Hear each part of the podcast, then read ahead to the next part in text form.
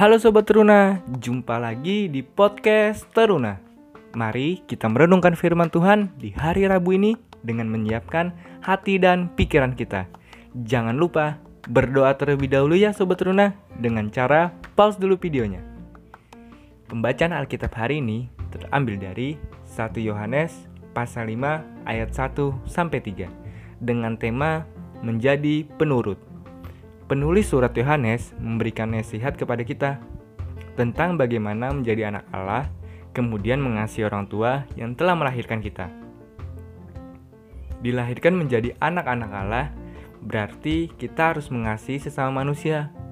Mereka menjadi saudara kita di dalam Kristus, tanpa memandang ras, bahasa, budaya, atau pendidikan maka kita tidak selayaknya membedakan orang, membedakan teman berdasarkan hal-hal tersebut.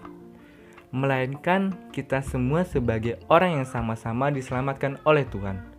Meskipun di antara kita terdapat perbedaan, kita dapat tetap saling mengasihi karena kita berasal dari keluarga yang sama. Tuhan adalah orang tua dalam keluarga kita. Semuanya dimulai dengan mencintai Allah. Caranya rajin beribadah, membaca firman Tuhan, dan turut pada firman Tuhan. Terkadang memang kita sering membantah, tidak turut, atau melawan perintah perkataan orang tua. Padahal tanpa sadar, apa yang kita perbuat kepada orang tua kita adalah perbuatan kita kepada Allah juga. Sobat Runa, saat ini kita harus berubah dan belajar menjadi penurut. Jikalau selama ini kita sering mengecewakan Tuhan dan menyakiti hati orang tua kita dengan tutur kata dan perbuatan kita yang tidak berkenan. Misalnya nih, ketika orang tua baru ngomong satu kata, kita langsung melawannya dengan 10 kata, bahkan lebih. Siapa ya itu? Apakah sobat teruna yang sedang mendengarkan podcast ini? Jika iya, maka mulai hari ini buatlah perubahan bahwa saya mau menjadi anak yang penurut. Sobat Runa, ada yang ingat nggak pembacaan Alkitab dari ulangan pasal 5 ayat 16?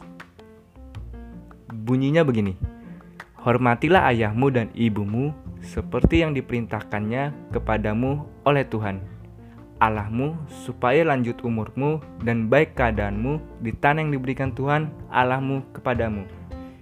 Dengan demikian, kita pun akan dipenuhi dengan kasih dan sukacita dalam melakukan apa yang menjadi perintah dan kehendaknya. Jangan lupa share renungan podcast Teruna hari ini kepada sesama kita. Sampai jumpa lagi di podcast Teruna selanjutnya. Tuhan memberkati. See you.